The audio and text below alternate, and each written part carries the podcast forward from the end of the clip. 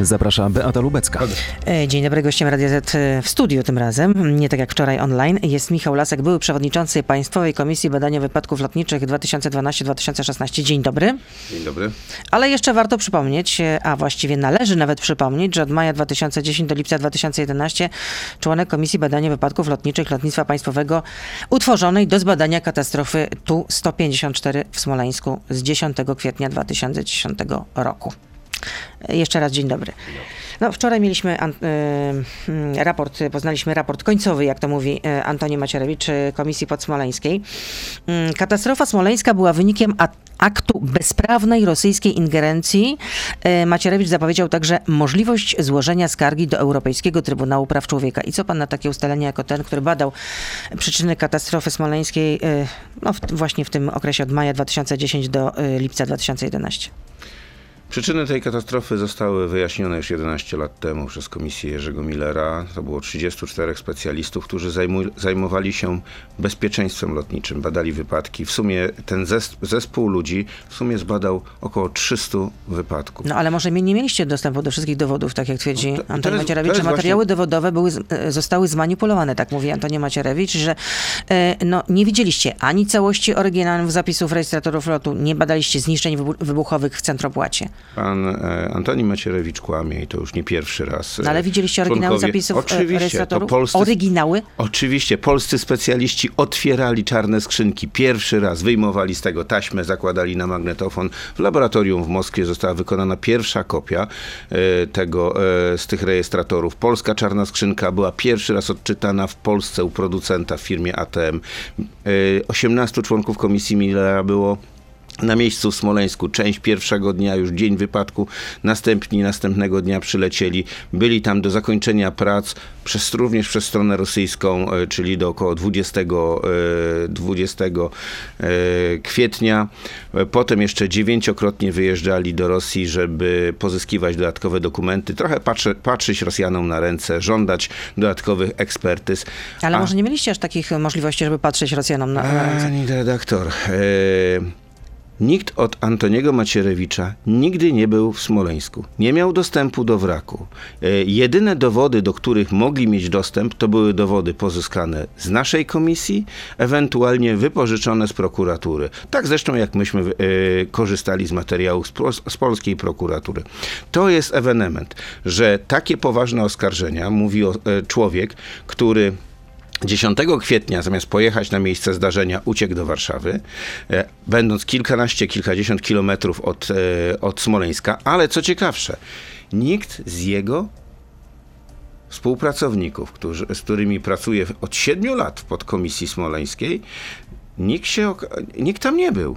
Nikt nie miał dostępu do wraku. A kto miał dostęp do wraku? No, członkowie komisji Millera, e, biegli prokuratury, prokuratorzy, polscy pirotechnicy. I co ciekawsze, ustalenia tych wszystkich zespołów są zbieżne. Do wypadku doszło wskutek błędu polskich pilotów, błędu rosyjskich kontrolerów i fatalnego stanu rosyjskiego lotniska. Jedynie Antoni Macierewicz, który nigdy nie był w Smoleńsku, ba, nawet ziobroscy prokuratorzy, nie chcieli zabrać na miejsce do Smoleńska y, członków podkomisji Antoniego Macierewicza. Mimo, że prokuratorzy i ich Czyli biegli... jest taka rywalizacja między prokuraturą w takim razie, między tą podkomisją smoleńską? Ja myślę, że nie jest, nie ma rywalizacji. Ja myślę, że prokuratorzy, yy, którzy dzisiaj prowadzą śledztwo, żeby wskazać, kto jest winien tego wypad- yy, temu wypadkowi, yy, po prostu nie, nie uważają osób, które Antoni Macierewicz zaprosił do tej podkomisji, jako wiarygodnych, jako rzetelnych, jako takich, których należałoby zabrać na miejsce tego wypadku.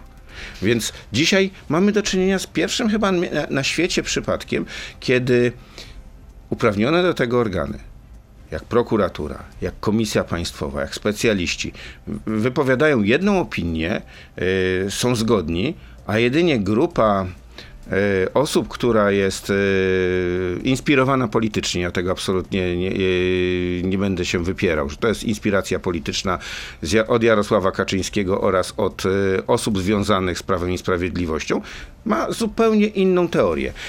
Zupełnie inną teorię, z którą rząd nic nie robi. Bo to, co wczoraj powiedział Antoni Macierewicz, jest znane od co najmniej roku. Część z Państwa zapewnie oglądała e, rok temu filmową wersję raportu. Te wszystkie tezy były tam powiedziane. Antoni Macierewicz twierdził, że już w zeszłym roku raport był gotowy.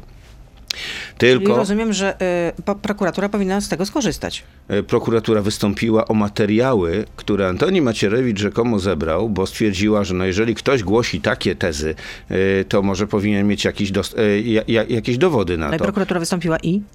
Macierewicz nie przekazał tych do, materiałów. Od y, w maju albo w czerwcu zeszłego roku był wydany w tej sprawie, tak przynajmniej prokuratora, prze, prokuratura przekazała rodzinom ofiar wyrok Sądu Okręgowego w Poznaniu, który mm, wyrażał zgodę, a tak, tak trzeba to zrobić e, w związku z, zapisami w prawie lotniczym, na udostępnienie materiałów zbieranych przez podkomisję do innego postępowania, w tym przypadku śledztwa. E, W zeszłym tygodniu prokuratura powiedziała, do zeszłego tygodnia tych materiałów nie otrzymaliśmy.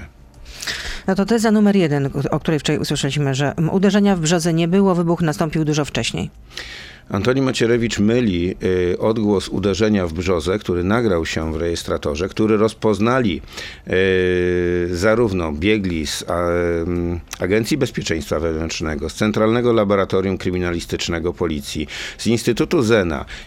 To wszystko są zespoły niezależnie od, sobie, od siebie pracujące na nagraniu dźwięków z kokpitu. I dodatkowo jeszcze e, biegli prokuratury e, takiego zespołu kierowanego przez pułkownika Antoniego Milkiewicza.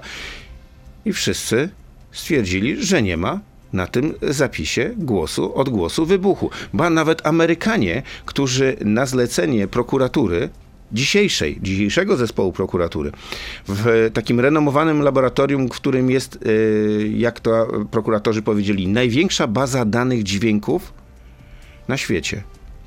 Dostali zapis z tego e, rejestratora i e, powiedzieli kategorycznie, nie, tu nie ma żadnego nagrania, znaczy dźwięku, który by sugerował, że doszło do wybuchu. Co mówi Antoni Macierewicz? Antoni Macierewicz mówi, nie, tu był wybuch, myśmy go No, zidentyfikowali. ale również Antoni Macierewicz powiedział, że e, ko- podkomisja dysponuje zeznaniami y, świadków. I to A, są Rosjanie. prokurator- I że wielu z nich miało właśnie słyszeć eksplozję, zanim samolot uderzył w ziemię. A że to Pola- ponad 20 osób miało słyszeć. Pani redaktor, a Polacy mówią wręcz coś przeciwnego. Więc ja bym zadał dzisiaj pytanie. Ale jacy Polacy? No Polacy, którzy byli na miejscu zdarzenia. Ludzie, którzy czekali na, y, na y, lądowanie polskiego samolotu. Przecież ten samolot rozbił się kilkaset metrów od miejsca, w którym oni oczekiwali. Na przylot tego samolotu. We mgle, kiedy dźwięki niosą się bardzo dobrze. To każdy ze słuchaczy może y, to zweryfikować, jeżeli jest mgła, jeżeli jak mocno się roz, y, roz, roznosi głos od y, szosy, którą przejeżdżają choćby ciężarówki. Nie tylko ci, którzy tam stali. Polski operator, pan Wróblewski, o ile dobrze pamiętam, który był pierwszy na miejscu zdarzenia, który widział przelatujący samolot, nie słyszał wybuchu. W związku z tym, ja zadam pytanie dzisiaj. Dlaczego Macierewicz bardziej wierzy Rosjanom niż Polakom. Dlaczego e, wpasowuje się w, e, w, zasadzie w kremlowską narrację, która ma dzielić Polaków, a nie, w, nie, nie, nie, nie, nie słucha faktów? To jest zastanawiające. Czyli pan absolutnie wyklucza, tak? y, Hipotezę, że doszło do zamachu. Całkowicie wykluczam tą hipotezę, mimo że była analizowana. I była analizowana nie przez jeden zespół, a wiele równoległych, równolegle pracujących dla, e, od siebie zespołów. Myśmy byli na miejscu Smoleńsku, myśmy oglądali e, szczątki, analizowaliśmy e, to, czy rzeczy... Przecież to nie jest tak, że nasi koledzy pojechali do Smoleńska i zaufali Rosjanom. Nie, prowadzili własne postępowanie. Prokuratorzy byli też pierwszego dnia na miejscu w Smoleńsku. Wczoraj pod, podszedł do mnie re, ym, operator telewizji, który mu powiedział, ja tam byłem. Telewizji przeszedł- polskiej, tak? Telewizji polskiej i powiedział, ja tam byłem, ja to widziałem. Znaczy widziałem tą ścieżkę w drzewach wyciętą przez ten samolot. Y, jakiekolwiek y, próby y, no, zakłamywania tego, no. Przecież Antoni Macierewicz... Dobrze, to jest pytanie na koniec części radiowej, pytanie słuchacza. Czy z ręką na sercu może pan powiedzieć, że śledztwo było należycie prowadzone? Mogę powiedzieć, że wszystkie badania, które były przeprowadzone przez komisję, wystarczyły do tego, żeby y, od, y, zaproponować profilaktykę i żeby wskazać, jakie były przyczyny tej katastrofy. Y, Gdybyśmy tego nie mieli, takiej pewności, byśmy się pod tym nie podpisali. Początek postępowania naszego badania w komisji Millera był taki. Tak długo będziemy badali, aż będziemy mieli pewność. Y, 34 ludzi podpisało się bez żadnych wątpliwości. I to są ludzie, którzy mieli i mają do dzisiaj niekwestionowany autorytet e, w środowisku. U Antoniego Macierewicza praktycznie nie ma nikogo, kto kiedykolwiek badał wypadki lotnicze. A część ludzi, którzy zaczynała z nim pracę w podkomisji, już ich nie ma. Opuścili go. E, Zresztą często e, pozostawiając listy otwarte, pokazując, że działanie Antoniego Macierewicza absolutnie nie przypomina badania wypadku lotniczego. I tutaj stawiamy pauzę. Macie- Maciej Lasek z nami zostaje. Jesteśmy na Facebooku, na Radio ZPL, na YouTube, więc proszę zostać z nami. Beata Lubecka, zapraszam. Ale ja się tutaj odwołam jeszcze na przykład do wypowiedzi Magdaleny Merty, mm, osoby pokrzywdzonej. Y, Mąż Magdaleny Merty, wice, ówczesny wiceminister kultury, też zginął y, w, tym, y, w tej katastrofie. Mm, Tomasz Merta. I co mówi Magdalena Merta na łamach prasy? To, że doszło do wybuchów, wiedzieliśmy od samego początku. Rosjanie bardzo często używali słowa wybuch, a swoją retorykę zmienili dopiero w styczniu 2011 roku. Przełomowe w ustaleniach komisji jest to, że był to zamach i to wymaga weryfikacji przez prokuraturę krajową. No i prokuratura e, na wspomniane... Ale rzeczywiście Rosjanie używali y, słowa wybuch Ja na nie, początku? spo, ja nie spotkałem się absolutnie e, z takim, e, z takim sformułowaniem przez, e, e, analizując dokumenty, do których mieliśmy dostęp, e, ale przede wszystkim bazując na swoich materiałach. E, Wie pani, dla mnie Rosjanie nie są e, źródłem e, prawd objawionych. To e, my wykazaliśmy, że Rosjanie okłamywali społeczeństwo w raporcie makowskim. To my daliśmy 165 uwag do tego raportu, żądając tak naprawdę odrzucenia, napisania tego raportu od nowa. To my pokazaliśmy, gdzie kłamali, chcąc e, e, wybielić albo no, powiedzieć, że po ich stronie nie było żadnego, e, żadnego błędu, a były bardzo poważne. To Polacy zgrali zapis rozmów z wieży smoleńskiej, czyli członkowie komisji Millera. Dzięki temu można ocenić, jak fatalnie e, było przygotowane to lotnisko i jak fatalnie byli przygotowani kontrolerzy, ale E, Ani razu w zasadzie e, no, w dyskusjach wielokrotnie zastanawialiśmy się, e, a dlaczego nie wybuch, prawda? No ale jeżeli w rejestratorze parametrów lotu nie ma e, skoku ciśnienia, nie ma wstrząsu takiego, który by sugerował, że coś się e, nagłego wydarzyło. Zapis z rejestratora e, dźwięku nie zawiera odgłosu wybuchu. Amerykanie już dawno udowodnili, że każdy wybuch zapisuje się w rejestratorze. To nie jest prawda to, co potrafi powiedzieć Antoni Macierewicz, że się nie zdążył nagrać. Jeżeli są, były dwa wybuchy po sobie następujące, a załoga jeszcze między jednym rzekomo, a drugim rzekomym wybuchem jeszcze rozmawia ze sobą i ten wybuch się nie nagrał, no to y, ktoś tu kogoś robi w konia. Y, Ja bym powiedział tak. y, Rozumiem y, żal y, rodzin, ofiar, y, które zginęły w tej katastrofie. Oni mają prawo do y, każdej teorii, każdego, każdego przekonania. Y, Bardzo trudno jest nam wszystkim, jako Polakom, zresztą dlaczego jesteśmy tacy podatni na teorie spiskowe? Bo jak, bardzo trudno nam jest powiedzieć, znaczy przyznać, że w sumie badal, banalne przyczyny, błędy, które były spowodowane niewłaściwym szkoleniem, niewłaściwym nadzorem, brakiem treningu. Bo ja też chcę wyraźnie powiedzieć, piloci popełnili błędy, ale oni nie chcieli do, doprowadzić do tego wypadku. Piloci popełnili błędy, dlatego że ktoś ich źle wyszkolił, ktoś źle nadzorował ten pułk. I teraz co? No takie trywialne No błędy, tak, ale, które... ale Antoni Macierewicz mówi, że no, te materiały wskazujące na błędy załogi Tupolewa też zostały poddane zewnętrznej ingerencji. I- też i- zostały zmanipulowane. Antoni Macierewicz wielokrotnie e, zarzuca ludziom kłamstwo. Ja będę się spotykał z panem Antonim Macierewiczem w sądzie e, już, w lut, już w lipcu. Po dwóch latach e, wreszcie doczekałem się e, pier, e, terminu pierwszej rozprawy. E, e, Ale to znaczy, że pan wytoczył proces tak, Macierewiczowi? oczywiście, to jest oczywiście. proces cywilny, za, tak? Proces cywilny za oszczerstwo. E, W związku, w związku z czym zobaczymy, jak, jak, jak ta sprawa dalej się potoczy. Natomiast... Dopiero na- w lipcu jest pierwsza rozprawa, tak? tak, po, no niestety pandemia, y, być może reforma pana Zbigniewa Ziobro, y, wszyscy wiemy, że wszystkie postępowania się wydłużyły zamiast skrócić, więc to jest tak, y, można powiedzieć, przeciwskuteczne działanie. Ale wracając do, wracając do tematu, nie ma żadnych dowodów na to, e, żeby jakiekolwiek materiały były manipulowane. Jeżeli prokuratura e, w tej sprawie praktycznie nie przesłuchała żadnego członka komisji Millera, e, ani innych biegłych. Przecież Antoni Macierewicz tak naprawdę pośrednio zarzuca również prokuraturze, która bada, znaczy pracuje na tych samych materiałach, że co, że oni też manipulują, wszyscy kłamią, tak? Wszyscy, s- y, wszyscy są przeciw, tylko jeden Antoni Macierewicz y, zna prawdę objawioną. No zna prawdę objawioną, której oczekuje Jarosław Kaczyński, nic, wie, ni- nic więcej. Jest jeszcze jedna teza, że mm, znaleziono materiały wybuchowe w samolocie. Y, Podkomisja stwierdziła obecność, znaczy to rozumiem, że to już nie jest teza, tylko jest to jako mm, twierdzenie, no, znaczy jako, jako prawda przedstawione w tym raporcie.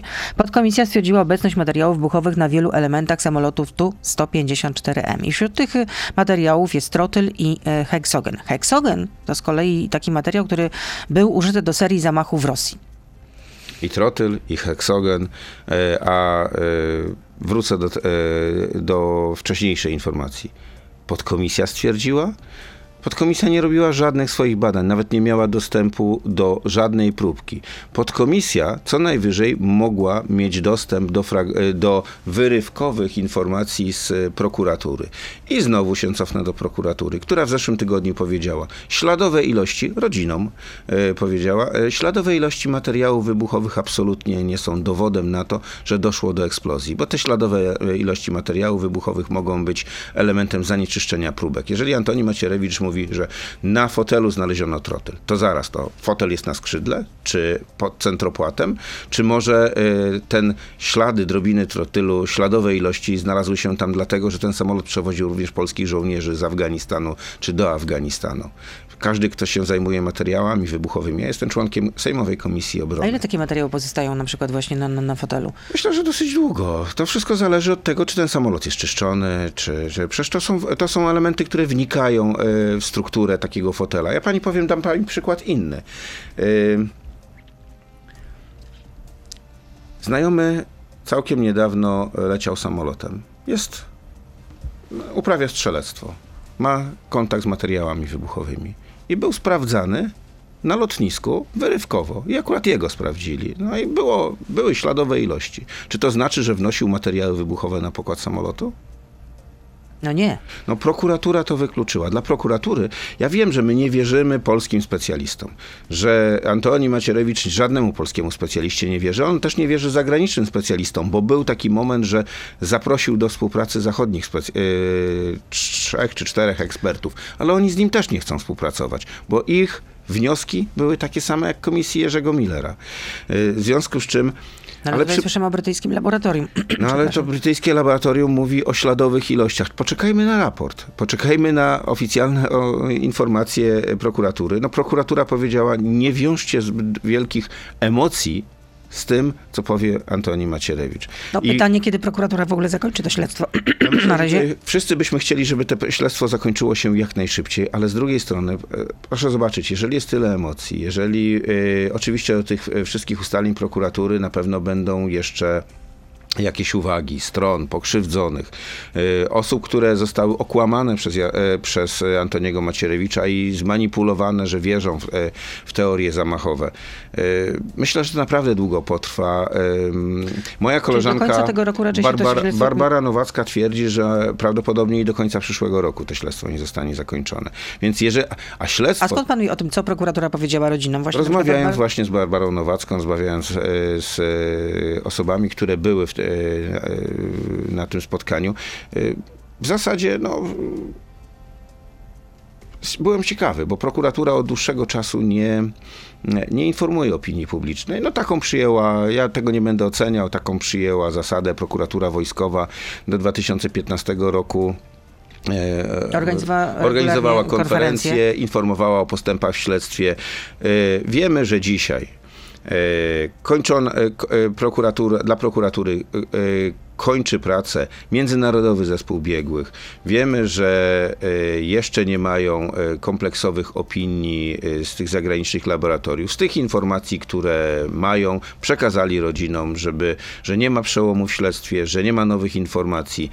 I ja bym bardzo chciał, żeby to śledztwo jak najszybciej się zakończyło, bo tam brakuje jednej rzeczy. My wiemy, co się stało w Smoleńsku. My ale my jako społeczeństwo nie wiemy, kto był tego, e, kto jest winien. Kto ma ponieść karę za to? e, Za Od to tego za jest właśnie tragedię. prokuratura. Od tego właśnie prokuratura. I materiał, który zostanie przygotowany przez prokuraturę, będzie oceniany przez niezawisły sąd. I to jest istotne dopiero, bo dopiero po wyroku sądu będziemy mogli powiedzieć tak. To są osoby winne tej katastrofy. A jak ładunki wybuchowe miały się znaleźć na pokładzie e, prezydenckiego samolotu? To jest w ogóle tajemnica, ponieważ y, Antoni Macierewicz twierdzi, że z rok wcześniej, w czasie remontu, y, ktoś, jakiś zły człowiek przewidział, że, 10, y, że rok później Tupolew y, będzie leciał do Smoleńska, znajdzie się z lewej strony pasa. y, W tym miejscu będzie rosła brzoza, która nas rzekomo wprowadzi w błąd i bę- będziemy mówili, że, że ten samolot zderzył się z tą brzozą, a w rzeczywistości ktoś przewidział, że już rok wcześniej, że ten samolot tam się znajdzie i w lewym skrzydle w tym miejscu zamontował ładunki wybuchowe. Przecież to się nie trzyma logiki. Ja już nie mówię o tym, że ten samolot wykonywał wiele lotów wcześniej, również z prezydentem, również z premierem, czyli loty VIP-owskie, które były poddawane również sprawdzeniu pirotechnicznemu, bo Przecież tego przed każdym wymaga... wylotem, no przecież samolot jest sprawdzany właśnie. Ależ oczywiście sprawdzany, ponieważ y, tak, tak, tak tego wymaga instrukcja przewozu najważniejszych osób w państwie, instrukcja HED. No i co? I, I nic nie zostało wykryte. Ktoś zamontował tam ładunek wybuchowy, który zakładając, że być może w czasie naprawy, w czasie przeglądu y, któryś z mechaników tam zajrzy, albo pies y, to wykryje. Antoni Macierewicz twierdzi, tak, bezsprzecznie były tam ładunki wybuchowe. Kto je podłożył? Kiedy je wniósł? A tego to nie wiem. Od tego jest prokuratura, czyli mówi, moim zdaniem był wybuch, ale, yy, no, ale to nie ja muszę to udowadniać. No, no to są bajki. Ale jeszcze jedna informacja, którą, o której omówił y, Antoni Macierewicz, że 11 kwietnia 2010 roku w godzinach wieczornych funkcjonariusze Federacji Rosyjskiej przy pomocy szlifierki kątowej oraz nożyc hydraulicznych obcięli dach wywiniętej na zewnątrz lewej burty. Następnie ten odcięty dach rozcięto na dwa mniejsze fragmenty, tak żeby było trudno lub wręcz niemożliwe do identyfikacji ślady eksplozji. Samolot był cięty na miejscu zdarzenia, żeby go e, przewieźć, ale jeżeli Antoni Macierewicz o tym wie, jeżeli, to znaczy, że wiedzą i wszyscy i, i nikogo to nie zdziwiło. E, ja bym e, polecił Antoniemu Macierewiczowi obejrzeć kilka e, mm, zdjęć z e, innych katastrof, gdzie dokładnie szczątki wyglądają tak samo. Dokładnie tak samo są wywinięte burty e, po zderzeniu z piaskiem. Yy, albo z, yy, jak to ktoś powiedział, z miękką wodą. Samolot Tu-154, który, na pokładzie którego zginął prawie cały chór, chór, Aleksandrowa. Ile części, jak powywijane fragmenty yy, konstrukcji. Sam, tam też nie było bomby. Ja żałuję bardzo, że Antoni Macierewicz nie pojechał 10 kwietnia do Smoleńska. Naprawdę żałuję. I to nie jest w żaden sposób sarkazm. Może gdyby zobaczył to, co zobaczyli nasi koledzy, którzy tam pojechali, zobaczyli prokuratorzy, to może by się dwa razy zastanowił, zanim by zaczął głosić tego typu teorie. Są jeszcze pytania od słuchaczy. Czy brak wraków w kraju, w Polsce, nie utrudniał prze, przeprowadzenia śledztwa? To jest pewnego rodzaju utrudnienie, oczywiście, ale jest coś takiego jak ym, zwierzchność terytorialna. Jeżeli y, wypadek czy zdarzenie następuje na terytorium jednego kraju, a różne kraje są zainteresowane w prowadzeniu śledztwa, własnego śledztwa, tak jak Polska wszczęła śledztwo już w dniu wypadku, y, to y, prawo przewiduje takie, y, takie możliwości, żeby pozyskiwać dowody, które będą akceptowane później w postępowaniu sądowym. Jest to konwencja o międzynarodowej pomocy prawnej. I polscy prokuratorzy no, na podstawie takich wniosków byli wielokrotnie, jeszcze przed 2015 roku, rokiem i po 2015 roku w Smoleńsku. Ich biegli też byli, pobierali próbki. Te próbki przyjeżdżały do Polski, tu były badane. No choćby ten e, słynny raport polskich pirotechników, który zawiera chyba 1200 stron, e, badanie bardzo szeroko przeprowadzone, pobierane próbki przez naszych ekspertów. To wszystko było robione w ramach pomocy prawnej. Ten wrak musi oczywiście wrócić do Polski, e, ale Nie zanosi się na to. ale ja powiem tak, Rosjanie za każdym razem mówią, że wrak wróci do Polski, jak skończymy śledztwo, jak Rosja skończy śledztwo. A kiedy skończycie śledztwo? Jak Polacy skończą śledztwo? Z- Ja jestem, Paragraf 22. dokładnie, ja jestem przekonany, że ten e, wrak już dawno by wrócił do Polski, gdyby Rosja nie uważała, że on jest świetnym narzędziem do dzielenia Polaków. Oni w zasadzie nie muszą nic robić, robią sobie młynka palcami, śledztwo stoi w miejscu, bo w zasadzie co oni tam będą e, robili? I patrzą, jak my się kłócimy. Y, Minister Waszczykowski w 2017 roku w lutym powiedział, kończymy pisać skargę do y, Trybunału w Hadze za opieszałość, za brak w śledztwie rosyjskim, za brak przekazania wraku. Ale przecież ta skarga do dzisiaj w tym Trybunale nie została złożona. No teraz jest zapowiedź. Przez pięć lat od zapowiedzenia skargi, od zapowiedzi skargi, nie złożyli skargi do Trybunału w Hadze. E, najpierw mówili, jeszcze piszemy, jeszcze piszemy, potem unikali. W końcu pan minister Waszczykowski przestał być ministrem Waszczykowskim i nagle się okazuje, że, że no dzisiaj po pięciu latach y, za, y, s- stwierdzą, że zwrócą się z kolejną skargą, tylko już chyba nie do tego, że, wrak, y, że nie mają dostępu do wraku. Y, no, dostęp do wraku był. Mm, Może utrudniony, może ten, ale ale nie na tyle utrudniony, żebyśmy nie mogli ocenić, co było przyczyną tej katastrofy. Bronisław pyta, czemu piloci do Polewa schodzili poniżej 100 metrów, skoro nie widzieli ziemi? Czy to jest normalne? Mm, Czy to jest standardowe, że piloci schodzą do lądowania poniżej 100 metrów w, bez widoczności? Nie, to jest e, ewidentne złamanie procedur. E, Procedury w lotnictwie pisane są krwią wszystkich, którzy zginęli w wypadkach lotniczych. W tym przypadku, który był, miał miejsce w Smoleńsku, samolot nie miał prawa zniżyć się poniżej 100 metrów, jeżeli załoga nie widziała ziemi.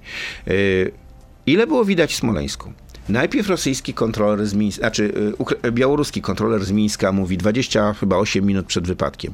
W Smoleńsku mgła, widać 400 metrów.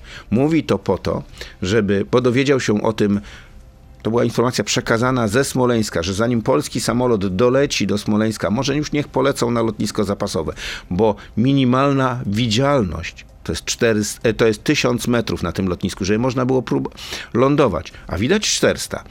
E, Polska załoga to usłyszała, zrozumiała, lecą dalej. 12 minut przed wypadkiem kontroler ze Smoleńska już mówi, w Smoleńsku mgła, widać 400 metrów. Warunków do przyjęcia nie ma. Czy tak się zachęca e, załogę samolotu, który ma być przedmiotem zamachu na tym lotnisku? Mówi się, warunków do przyjęcia na lotnisku nie ma. Zawsze E, można potraktować, że to taka, wie pan, metoda, żeby z, zmylić czujność. No zaraz, no, no ale, jeż- ale zakładamy, że e, po drugiej stronie, czyli w kabinie, są piloci, którzy są prawidłowo wyszkoleni, którzy wiedzą, że 400 metrów warunków do przyjęcia nie ma, no to zaraz, no to po co ja mam podejmować decyzję, że będę lądował na tym lotnisku? A może powinienem poczekać e, wyżej, tam się zużywa mniej paliwa, na poprawę pogody, a może pole, polecieć do Moskwy, a może polecieć do Witebska albo do, do Mińska, gdzie będzie e, lotnisko zapasowe tam były e, ustalone i, i może nawet poczekać na to. Tak się robi normalnie w lotnictwie. Ale jest kolejna rzecz. Podchodzi samolot do lądowania z kilka minut przed wypadkiem, a technik z polskiego jaka mówi, Arek, teraz widać 200. 200 metrów. Y, Pilot z Jaka 40, który z dziennikarzami wylądował tam kilkadziesiąt minut wcześniej, mówi, widać 400, wcześniej jeszcze, widać 400 metrów, podstawa y, poniżej 50 metrów grubo. To znaczy, że nie 100 metrów, tak jak przepisy wymagają, ale poniżej 50 metrów. I załoga mimo wszystko podchodzi do lądowania. My to oceniliśmy jako element pewnego rodzaju presji, y, presji pośredniej. Nikt nie powiedział załodze, lądujcie tam. Ale piloci stwierdzili na podstawie prawdopodobnie takiej ogólnej atmosfery, również pamiętając to, co stało się w locie do Gruzji, w tym, który się nie odbył w 2008 roku, że spróbują mimo wszystko podejść możliwie nisko, jakim się, e, jak, e, jak potrafią. Najgorsze jest jednak w tym wszystkim to, że w tym pułku tak fatalnie szkolono pilotów, że oni tego nie potrafili zrobić. No i pułk, pułk w efekcie został rozwiązany. Ale dzisiaj piloci, e, prezydent jest wożony również przez e, pilotów wojskowych w pierwszej bazie lotnictwa transportowego i ci piloci, którzy dzisiaj są szkoleni według cywilnych norm, gdzie profilaktyka po raporcie komisji Millera została wdrożona i dzięki temu jest, jest bezpieczniej. Dzi- Dzięki temu prezydent Andrzej Duda dwa tygodnie temu bezpiecznie wylądował po awarii. Ta awaria była naprawdę e, poważną usterką. To nie jest tak, że e, niektórzy się troszeczkę to bagatelizują. Jeżeli wzywa się, znaczy ogłasza się w powietrzu Mayday, to znaczy, że to jest zagrożenie bezpieczeństwa i zagrożenie życia. To na koniec chciałabym zapytać o to, co się dzieje mm, nad naszym polskim niebem. No, czy ruch lotniczy nad Polską zostanie zatrzymany w związku z tym strajkiem kontrolerów? Jak pan to widzi? To jest bardzo... Czy polskie niebo zostanie zamknięte? E, To jest bardzo duży problem. E, Ten konflikt w Polskiej Agencji Żeglugi Powietrznej narastał chyba od dwóch lat. E, Narastał od dwóch lat. My o tym konflikcie sygnalizowaliśmy to, że źle się tam dzieje że konflikt między związkowcami i konflikt między zwykłymi kontrolerami a kierownictwem paszpu przechodzi na coraz wyższe etapy, że może to doprowadzić do odejścia kontrolerów, że kon- kontrolerzy zgłaszali nie tylko e, problemy płacowe, bo, Bo nie chodzi, nie chodzi tylko o pieniądze. nie chodzi tylko o pieniądze. Chodzi? o to, że e, ograniczenie kosztów między innymi polegało na tym, że kontrolerzy zaczęli pracować w na tak zwanych pojedynczych stanowiskach, czyli nie mieli drugiego kontrolera do pomocy jak zawsze. Czyli zawsze Takie było standardy dwóch. gdzieś w Taki- świecie obowiązują? na całym świecie takie standardy obowiązują, że jest podwójne stanowisko pracy. Natomiast Na, na stanowisku pracuje dwóch kontrolerów, tak? Tak, Żeby tak. jeden, że tak powiem, żeby jeden mógł, mógł, mógł wspomóc drugiego, bo sytuacje są najróżniejsze. Yy, Zdarzało, zdarzyło się yy, parę miesięcy temu, że jeden kontroler zasłabł w, Krak- e, w Krakowie i nagle się okazuje, że nie ma nikogo, kto, nie to, że może mu pomóc, prawda, Nie ma ale kto może przejąć Jego obowiązki. jego obowiązki. W tym czasie startował samolot, o ile dobrze pamiętam, zresztą Wiposki. E, Samolot w Krakowie. E, Ta informacja nawet nie, nie- obiegła, prawda, że przez chwilę nie było kontrolera, który mógł, e, mógł, mógł, nadzorować to wszystko. A skąd ma taką wiedzę? Słucham? A skąd pan ma na taką Ja wiedzę? rozmawiam z kontrolerami. Kontrolerzy y, zgłaszają. No przecież ja pochodzę z tego środowiska. Ja staram się tych y, kontrolerów wspierać. Ja rozmawiam też z drugą stroną. Rozmawiałem z kierownictwem y, paszpu i za każdym razem mówiliśmy: Słuchajcie, chłopy. No, Przepraszam za kolokwializm, ale dogadajcie się. To doprowadzi do tragedii. Kontrolerzy mówią: y, dogadajmy się, rozmawiajmy ze sobą. Kierownictwo mówi, nie, to są żądania płacowe, tu y, my musimy ograniczyć koszty, bo rzeczywiście ruch jest mniejszy, mniejsze wpływy z opłat trasowych. Paszp nie jest utrzymywany z polskiego budżetu. Jest utrzymywany z opłat ponoszonych przez linie lotnicze, e, których samoloty przylatują, odlatują z Polski lub latają nad Polską. Jeżeli była pandemia, jeżeli dzisiaj jest spadek ruchu o 33%, e, bo jest e, embargo na, ruchy, na ruch samolotów do i z Rosji, to nagle się okazuje, że te wpływy będą mniejsze. No i tym też właśnie się uzasadnia, dlaczego mają zarabiać mniej. ale kontrolerzy, ale kontrolerzy o tym mówią, że oni zgadzają się na to, żeby zmienić warunki płacowe. Tylko chcą o tym normalnie rozmawiać. A może powinno się to uzależnić, tą pensję. Ja nie jestem tutaj osobą, która będzie decydowała o tym- ale może trzeba ją podzielić na dwie części. Jedną stałą, a drugą uzależnioną od wielkości ruchu. Ruch jest mniejszy, spada. Ruch jest duży, wzrasta. Y, To są, to są wyzwania, które stoją dzisiaj przed nową panią prezes. Ale Bo przecież chyba dlatego zmieniono prezesa, No właśnie. żeby, żeby ten konflikt wygasić. Obawiam się, że mocno za późno. Tak jak powiedziałem, trzy komisje infrastruktury były temu poświęcone. e, Dyskusjom związanym z bezpieczeństwem, z zgłaszaniem przez kontrolerów problemów, e, również z raportowaniem zdarzeń lotniczych, bo to czasami było przez kierownictwo traktowane jako też pewnego rodzaju e, element wymuszenia, że jest sytuacja w zagrożeniu e, w powietrzu, jest zgłaszany incydent i niektórzy kontrolerzy twierdzą, że nie spotykało się to z właściwym odbiorem. Dzisiaj ten konflikt trzeba rozwiązać. Trzeba Czyli go... co powinno się wydarzyć w takim razie? Ja myślę, że przede wszystkim i to, co już chyba trwa, bo widziałem ostatnio pismo związkowców do swoich, e, znaczy związków do swoich e, członków, którzy mówią, zachowajcie spokój, negocjacje trwają, e, nie są proste, ale wszyscy jesteśmy odpowiedzialni za bezpieczeństwo na polskim niebie. Dzisiaj, co prawda, obie strony są na wojnie. Nie na wojnie w Ukrainie, tylko na wojnie między sobą. A na wojnie wszystkie chwyty są dozwolone. Ale ja y, wierzę w to, że zarówno kontrolerzy, jak i kierownictwo stanie na wysokości zadania, dogadają się i znowu na polskiej, w polskiej przestrzeni powietrznej ruch może będzie mógł wrócić do tego stanu, który y, był przed pandemią. No to też chodzi o bezpieczeństwo pasażerów, albo nawet przed, przede Ależ wszystkim. oczywiście, dlatego jest mniejszy ruch, bo tak zwana pojemność przestrzeni zależy od liczby kontrolerów, y, którzy y, są pełnią dyżur. Jeżeli tych kontrolerów jest za mało, to jest, to, to wiadomo, jeden kontroler może mieć określoną liczbę samolotów, którymi się komunikuje, które, które e, prowadzi. Jeżeli ich jest mniej, no to automatycznie ta pojemność, liczba samolotów, które znajdują się w polskiej przestrzeni powietrznej spada. E, To jednocześnie to nie tylko wpływa na nas, to wpływa również na sąsiednie sektory, na sektory w Niemczech, na, na sektory w Pradze, e, na sektory na Litwie, bo te samoloty zamiast przelecieć przez Polskę muszą albo tam oczekiwać, albo przelecieć inną drogą.